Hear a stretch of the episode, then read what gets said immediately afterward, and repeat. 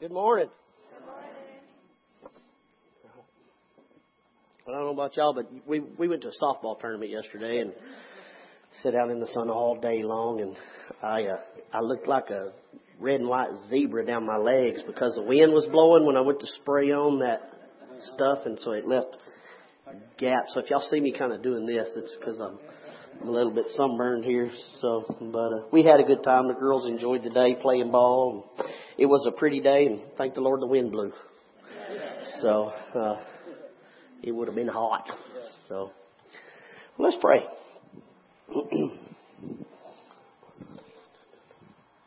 Lord, we thank you for this day. We thank you for this service. We thank you most of all for your love. We just give you glory and praise that we live in a relationship with you and a covenant of your love, Lord, and we just thank you. We praise you, Lord. I thank you for this service. I thank you for this opportunity. I commit myself unto you.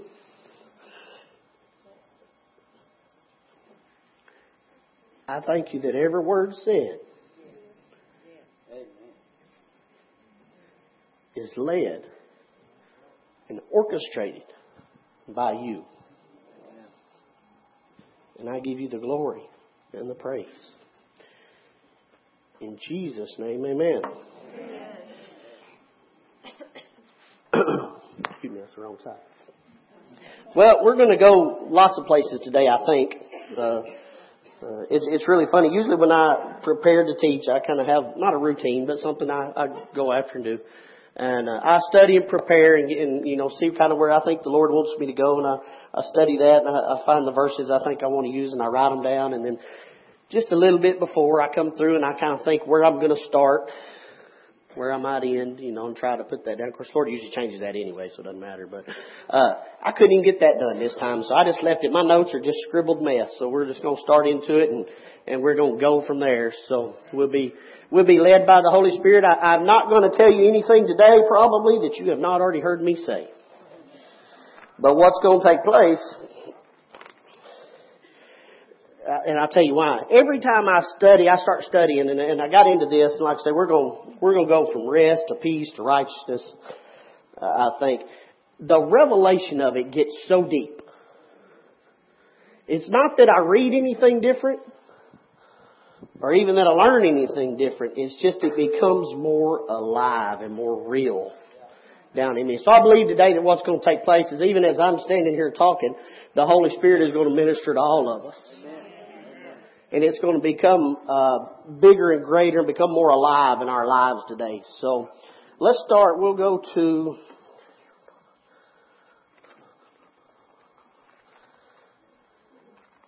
And I'll probably have six pages of notes for them over loose flying around here because they're all about to fall off anyway. So, yeah, let's go to Hebrews 4.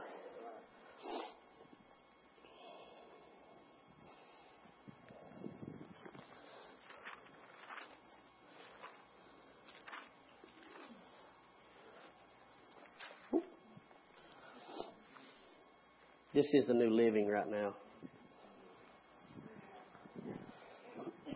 Hebrews 4 and 1. God's promise of entering His rest still stands. For we ought to tremble with fear that some of you might fail to experience it. For this good news that God has prepared this rest has been announced to us just as it was to them. But it did no good to them, but it did them no good because they didn't share the faith of those who listen to God. For only we who believe can enter his rest. Only we who believe can enter his rest. Go down to verse 6. So God's rest is there for people to enter. But those who first heard the good news failed to enter because they disobeyed God. Now I want to look where it says disobey God because the, the, the verse we read before that said, only those who believe shall enter. So this verse where it says disobeyed God, the disobeying God was not believing. It wasn't any other action or anything like that. It was simply not believing. So those did not, they failed to enter because they disobeyed God or because they did not believe what God said about His rest. Let's go to 9. So there is a special rest still waiting for the people of God. For all of you have entered into God's rest, have rested from their labors, just as God did after creating the world. So let us do our best to enter that rest. But if we disobey or if we don't believe as the people of Israel did, we will fail. For the word of God is alive and powerful.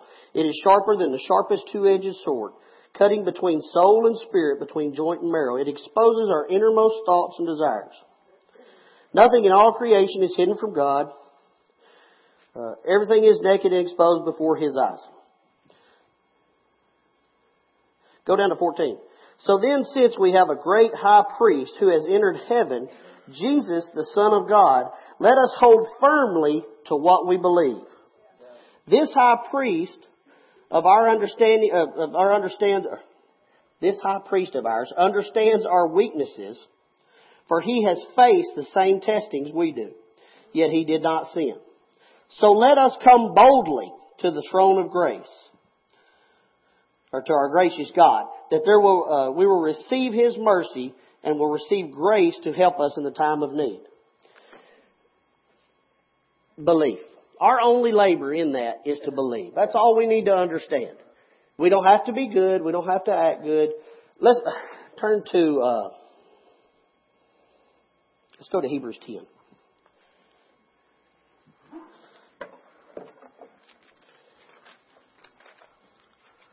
So we understand there that belief is the key. We have to believe what God told us. I'm looking for another scripture I need to find.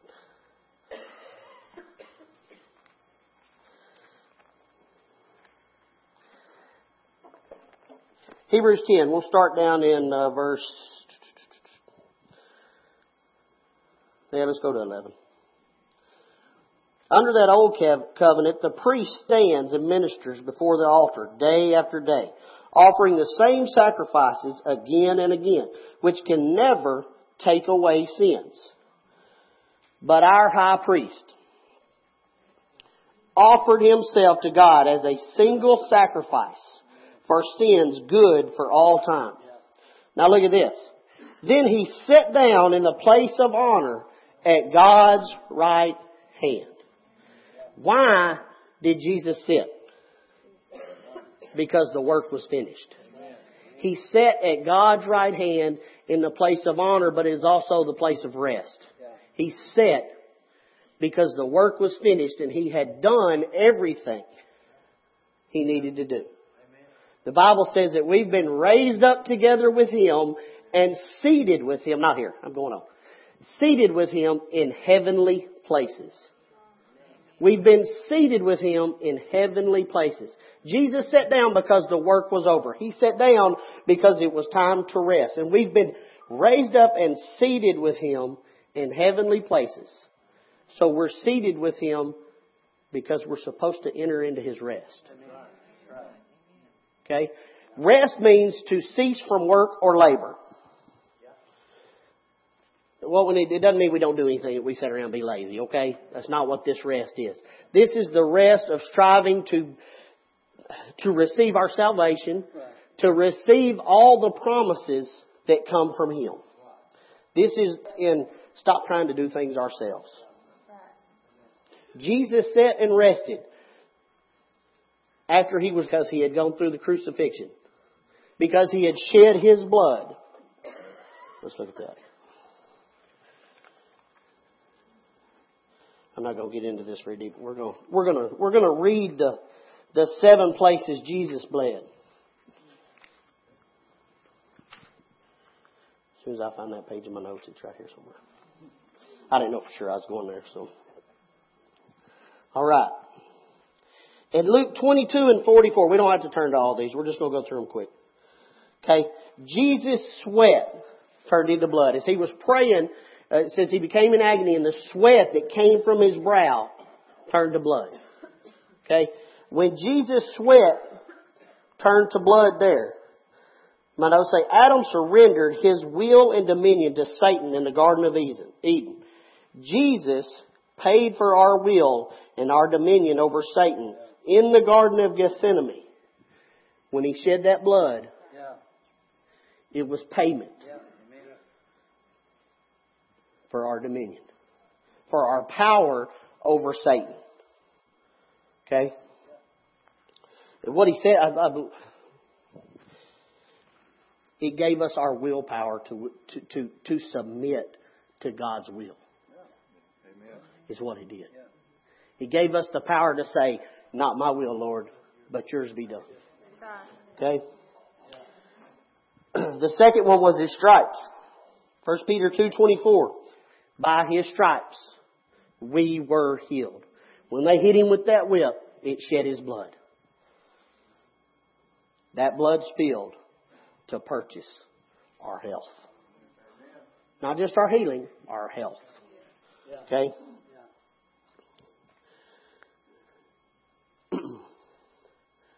The third one. He was beaten and bruised. Jesus bled on the inside,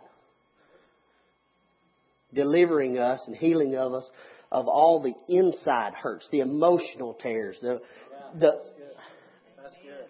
everything that takes place on the inside of man. He bled to purchase our health there. Number four is the crown of thorns.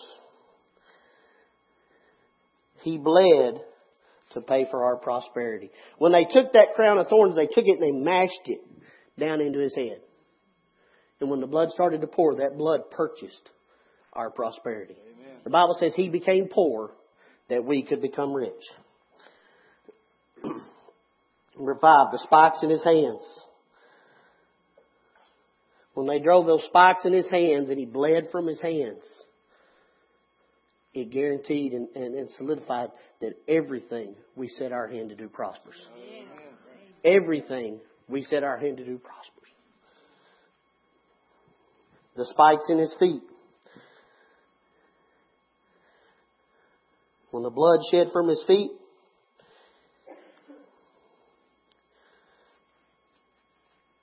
it says everywhere we go prospers. Everywhere we set our foot is prosperous. Blessed is the fruit of our ground. Okay? Everywhere we step foot is prosperous. Everywhere we step foot is where the blood of Jesus goes.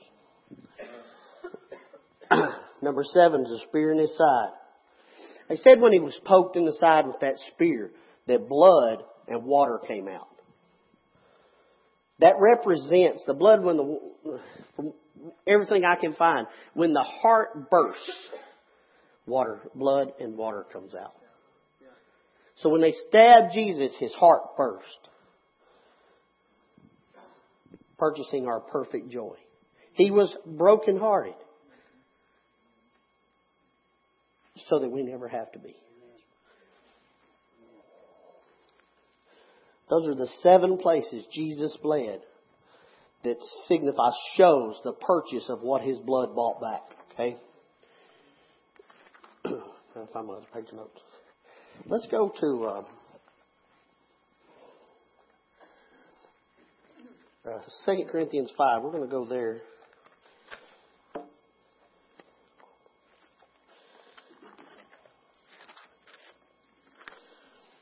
The reason Jesus' blood was shed to purchase these things for us was to show us that we can rest in what He's done. Okay? We don't have to work to get it because Jesus bought it through His blood. Okay? There's nothing we can do to receive from Him work-wise. There's nothing we can labor to do. All we have to do is simply receive and believe, like the, like the verse there in Hebrews 4 says, those who believe will receive his rest. Okay? That's the work we have to do is to believe. What did I say? Second Corinthians? Five, uh, yeah, go to 17. Go to 517.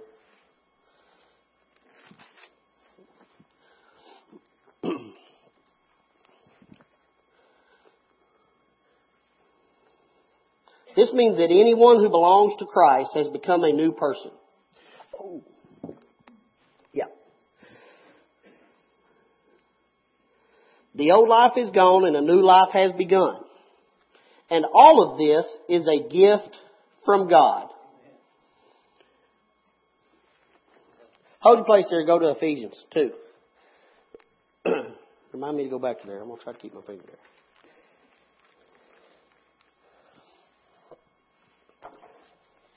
Now I want you to understand when Jesus purchased this, He gave it to us. That verse right there says it's a gift from God. When we receive Jesus, we receive His promises, free and clear. He says here, this is a gift. Okay?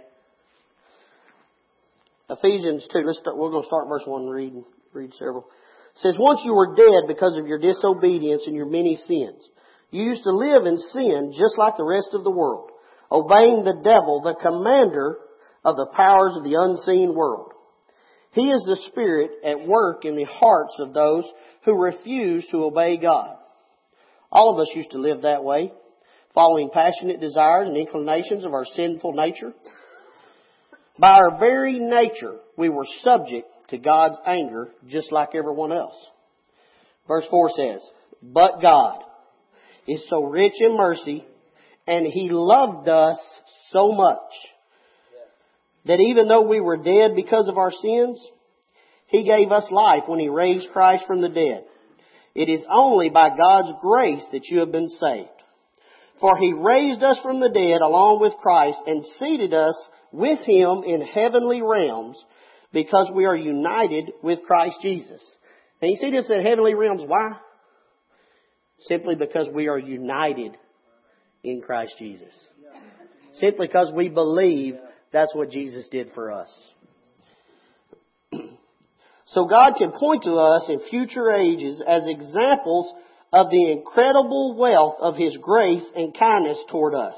Did you know God wants to be able to point to you in His future ages? Yeah. This is how much I love y'all. Yeah. Look this guy over here. Yeah. This is how much I love you. This is how good I am. This is how good my grace is.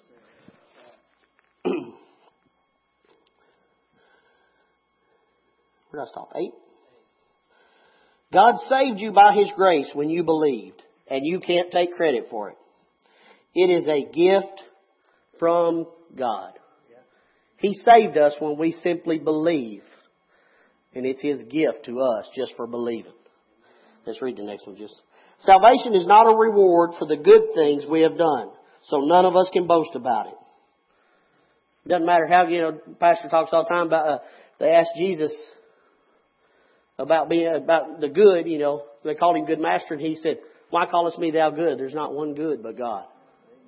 Well, Jesus never con- committed sin. He considered himself, he didn't consider himself good. You can't live any more perfectly than he did. So there's no need in us being concerned and fixated on trying to live perfect, trying to live right. Our life is about relationship. Verse 10. For we are God's masterpiece.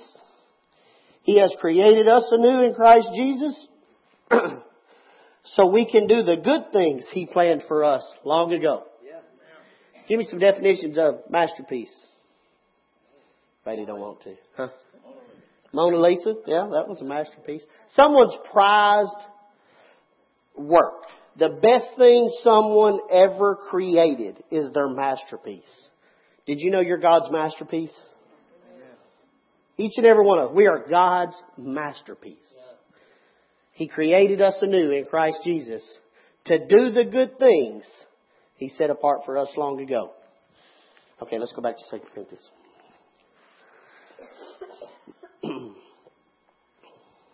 and all of this is a gift from God who brought us back to Himself through Christ. And God has given us the task of reconciling people to Him. For God was in Christ reconciling the world to Himself, no longer counting people's sins against them. God doesn't count our sins against us.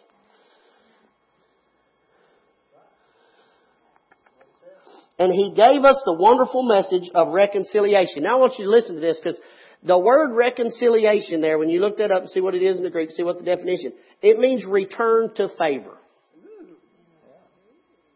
The word reconciliation means return. He gave us this task of returning people, telling people that they're returned to God's favor. That's what he told us to do. That's return, tell people that they're returned to my favor.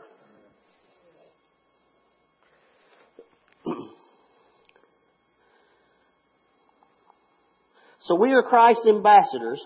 God is making His appeal through us. We speak for Christ when we plead, come back to God. For God, my read out King James. For God made him who knew no sin to be sin for us, that we might become the righteousness of God in Christ Jesus. God made him sin. So basically our sin never showed up. Yes, we were sin before we were born again. He made him sin so that we never have to be.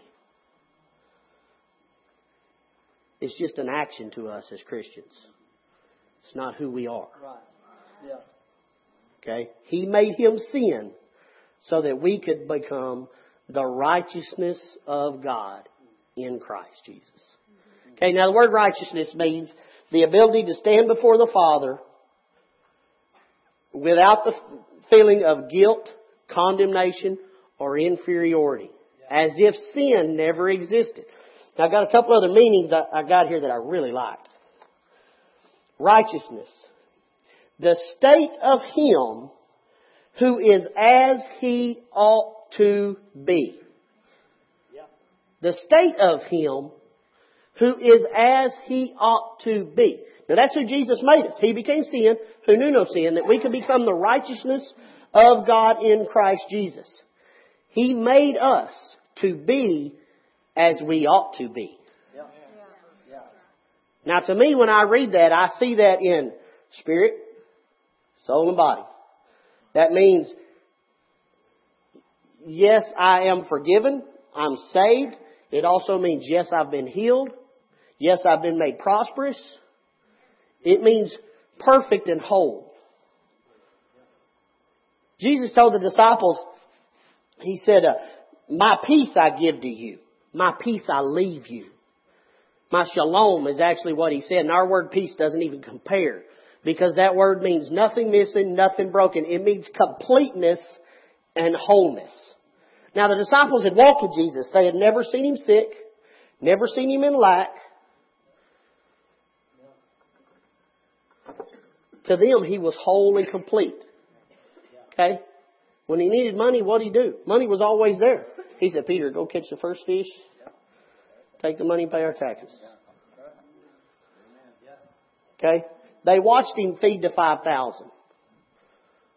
They watched the, the, the miracles and the, and the, prosperity be done to his life, in his life. And he said, my shalom, my completeness and my wholeness, I leave you. It meant no sickness, no disease, no poverty, no lack. My completeness and my wholeness. All of these tie together. Entering his rest is being complete, being whole. Righteousness is being complete, being whole. Being as we ought to be. As God intended us to be.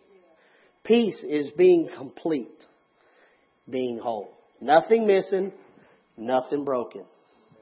Okay?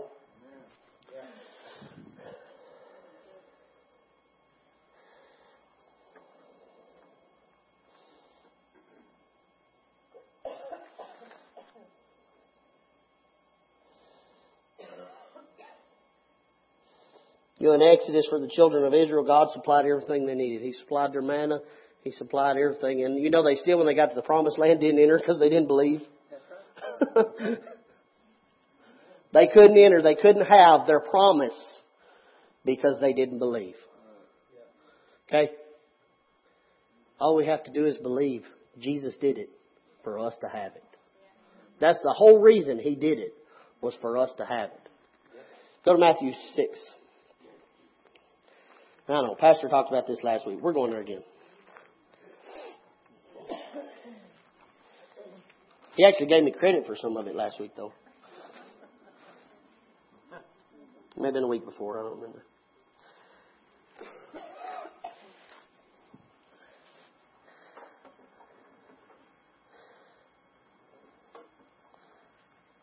I'm going to quit working. I'm getting through this a lot quicker, quicker than I was expecting to, which is good because I was concerned it was not, we weren't going to get there. Okay. Go to verse 28. Actually, starting 25, I'm sorry.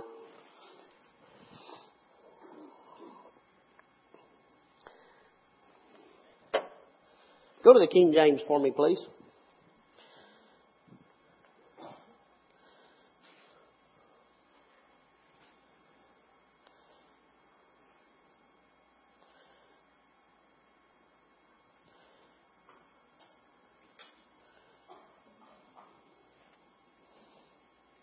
Therefore I say to you, take no thought for your life, what you shall eat, what you shall drink, nor for your body, what you shall put on. Is this the li- uh, is this not is not the life more than meat and the body more than raiment? Behold the fowls of the air, for they sow not, neither do they reap, nor gather into barns, yet your heavenly Father feeds them. What did he say there? He said, look at the birds. They don't work. They don't work toward what they, they need there. They rely on me to feed them. They let me take care of them. Which of you, by taking thought, can add one cubit into his stature? And why take ye thought for raiment? Consider the lilies of the field, how they grow. They toil not, neither do they spin. And yet I say unto you that even Solomon in all his glory was not arrayed like one of these. They don't think about what they have on. It says Solomon in all of his glory, Solomon in everything that he had, all of his wealth, was not dressed as good as the lilies that Jesus, that, that God dresses. They didn't look near as sharp, Solomon didn't look near as sharp as they did. And all they do is let God do it. Wherefore, if God so clothe the, the grass of the field, which today is and tomorrow is cast into the oven, shall he not more clothe ye, O you of little faith? Therefore take no thought saying, what shall we eat, or what shall we drink?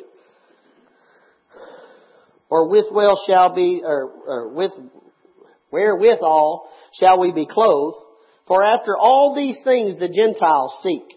And that word there means to, to labor, to, to seek after with much sweat. To sought after with much sweat. To work to get. Okay? For your heavenly Father knows that you need all these things. But seek ye first the kingdom of God and His righteousness what is His righteousness? It's what He's given us. We need to seek what He's given us and who He's made us. We need to, to, to know and understand the person that is as He should be. We need to understand what that means. And know that it means wholeness. It means completeness. But that word seek there, it doesn't mean to labor. It means to hunger and to desire to worship. Hunger and to desire to worship. That's our seek. We're supposed to hunger after the people God made us to be. We're supposed to desire to worship Him and seek after the people He made us to be. It says, seek ye, uh, seek ye first. I'm going somewhere else. And it says, all these things will be added unto you. Okay, he says, he says in the verse 4, he says, your God knows you need all these things. He knows you need fed. He knows you need dressed. Okay? He knows all your kids play softball and volleyball and, you know, I got one that plays softball, one that plays volleyball, and one that rodeos. Okay? So we're, you know, we're moving and going all the time. Okay? He knows all this. And he simply says, seek me first. Hunger after me, I'll take care of everything else. Okay? You don't have to try to find it. I've got it. I bought that with my blood. It's yours. Okay? We are able to enter His rest simply out of belief. Simply out of knowing, yes, He did it for me, and it's mine. Romans 4.16 says the promise is received by faith. It's a free gift.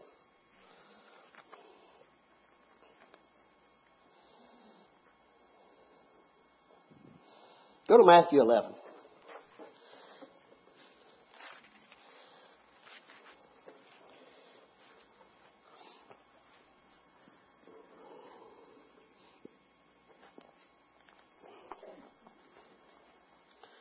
Starting 28.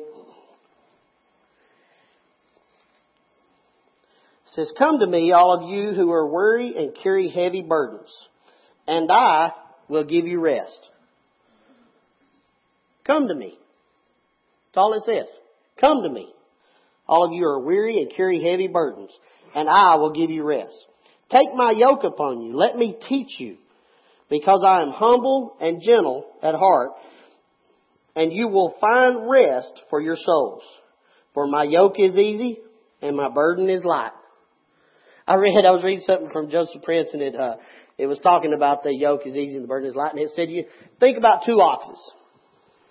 On one side, you have an older, experienced ox. It's been there, done that, he knows what's going on. And on the, the other side, you have a young ox.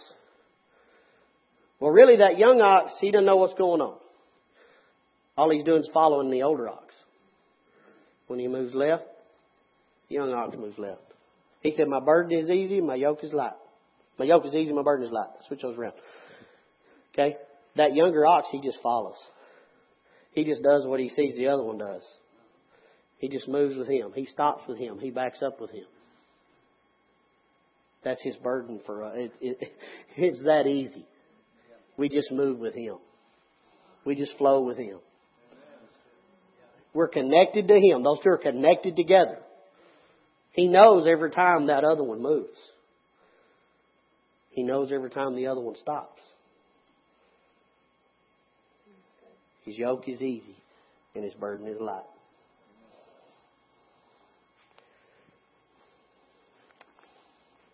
That was all that.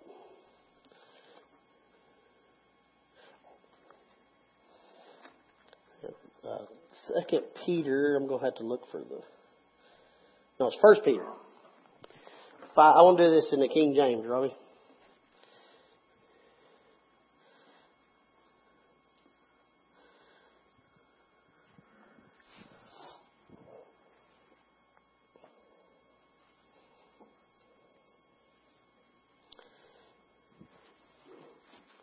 How of you friends with Sharon Ross on Facebook? She had this verse on her Facebook the other day. That's when I, I started looking at it. First Peter 5 and 6. Humble yourselves, therefore, under the mighty hand of God. I want you, I want you to listen. The, the, the word humble means basically draw yourself back. Uh, here, look at, look at what God is doing. Humble yourselves before the mighty hand of God. Let Him take the lead. Okay? Let Him take over. Step yourself back and rely on Him. Humble yourselves before the mighty hand of God, that He may exalt you in due time. When we humble ourselves before God, He exalts us. When we step out of the way and let Him, His finished work take place in our lives, things He's already purchased for us to have, when we step back and just rely and believe in Him, says He exalts us. Casting all your care upon Him, for He cares for you. You know, we can read and read and read Scripture that talks about uh, uh, our needs are met according to His riches and glory by Christ Jesus. It's all by Him. It's all because of Him. And it's all for us. We don't have to work to receive. We just rest in what Jesus has already done. We just relax and say, Lord, I accept what you've done for me. I accept that you shed your blood for my healing. I accept that you died and went to hell and you became sin so that I won't be. I accept that you bled for my prosperity. I accept that you bled for my will, for my authority. I accept that you bled so that everything I set my hand to do prospers. And everywhere I step my foot is blessed. I receive what Jesus did. That's our part. Is to believe and to receive. And we can enter into His rest and sit back and just say, It's you, Lord. It's all on you. I, I saw something, um, one of, it may have been the same devotional I was reading of Joseph, but he said, if, if you're praying and seeking and working to, to receive from God and you're not seeing your miracle take place, just hand it, roll it over into His care. Say, Lord, I can't do this. And I know you can. Step back out of the way and let Him. He said, somebody asked him, what if He doesn't? He said, well, what did hurt you? You weren't getting it done anyway. What did hurt you? That, that verse there, and Peter says, Cast all your cares on him, for he cares for you. One of the verses I read says, Don't worry. He's got this. Don't worry. God's taking care of you. Okay? The finished work means He's already done the work. Okay? Again, that verse said He's been, He is seated next to God in the place of honor. But when He's seated, He's seated there to rest. And He raised us up and seated Him, seated us there with Him in rest because the work's already finished. The work's already done. We don't have to strive to get this. That's like this. I told you my, my notes were kind of scattered. Well, I don't rely on me. I'll just tell you. I don't rely on me up here. This is all about God. Because if this was about me, I'd be sitting back there at the back.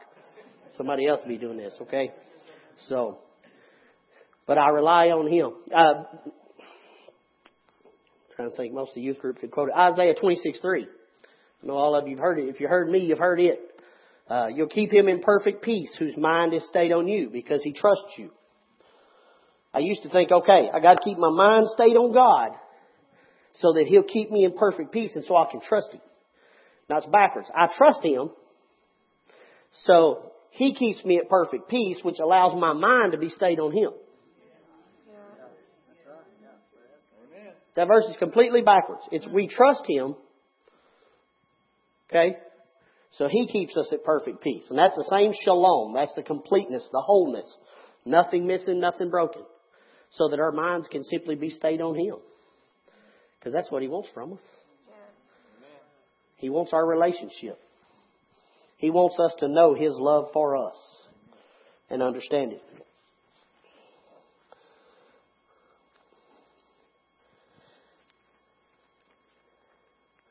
The man at the pool of Beth, Beth, Bethesda.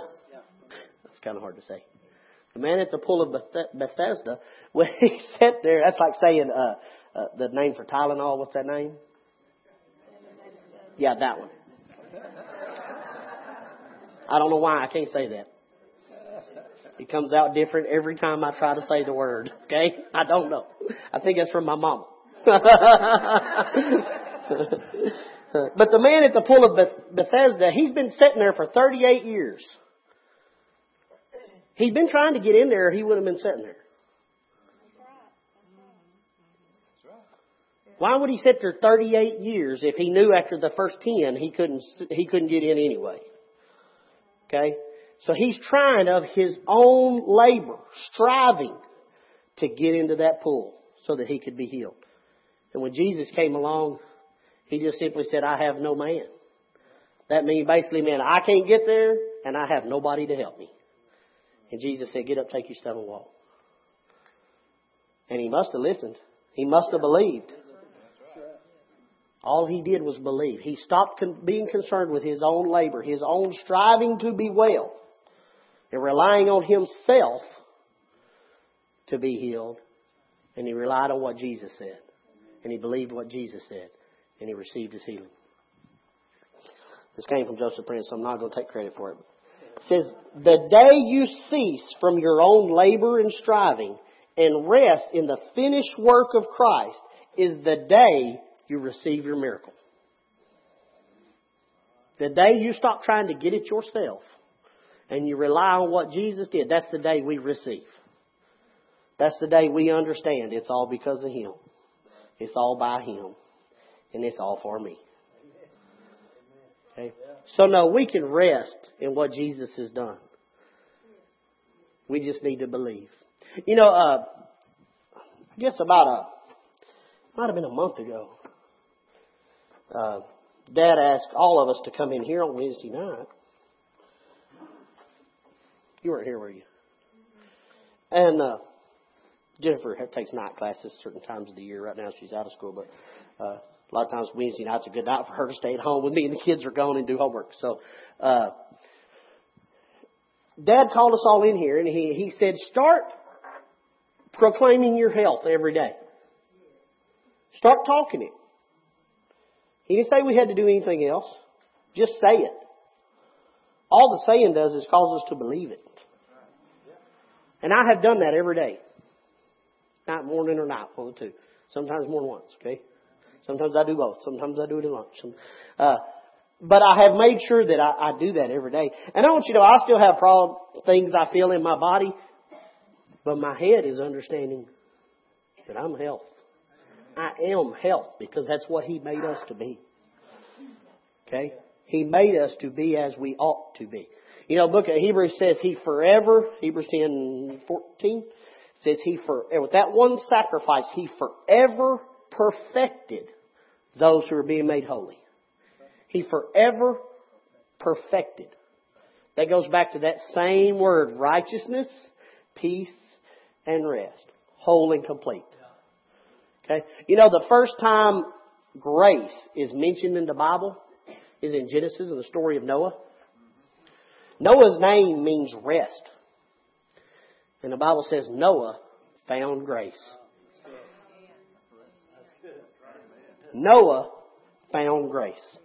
So rest found grace. Be careful when you think about rest because think about what Noah did. Okay? He built that big boat. But he did what God told him to do. And he was saved because he relied and believed what God told him to do. Rest found grace. He rested and believed God. And he found grace. So, thank you very much. That was fun. I enjoyed it.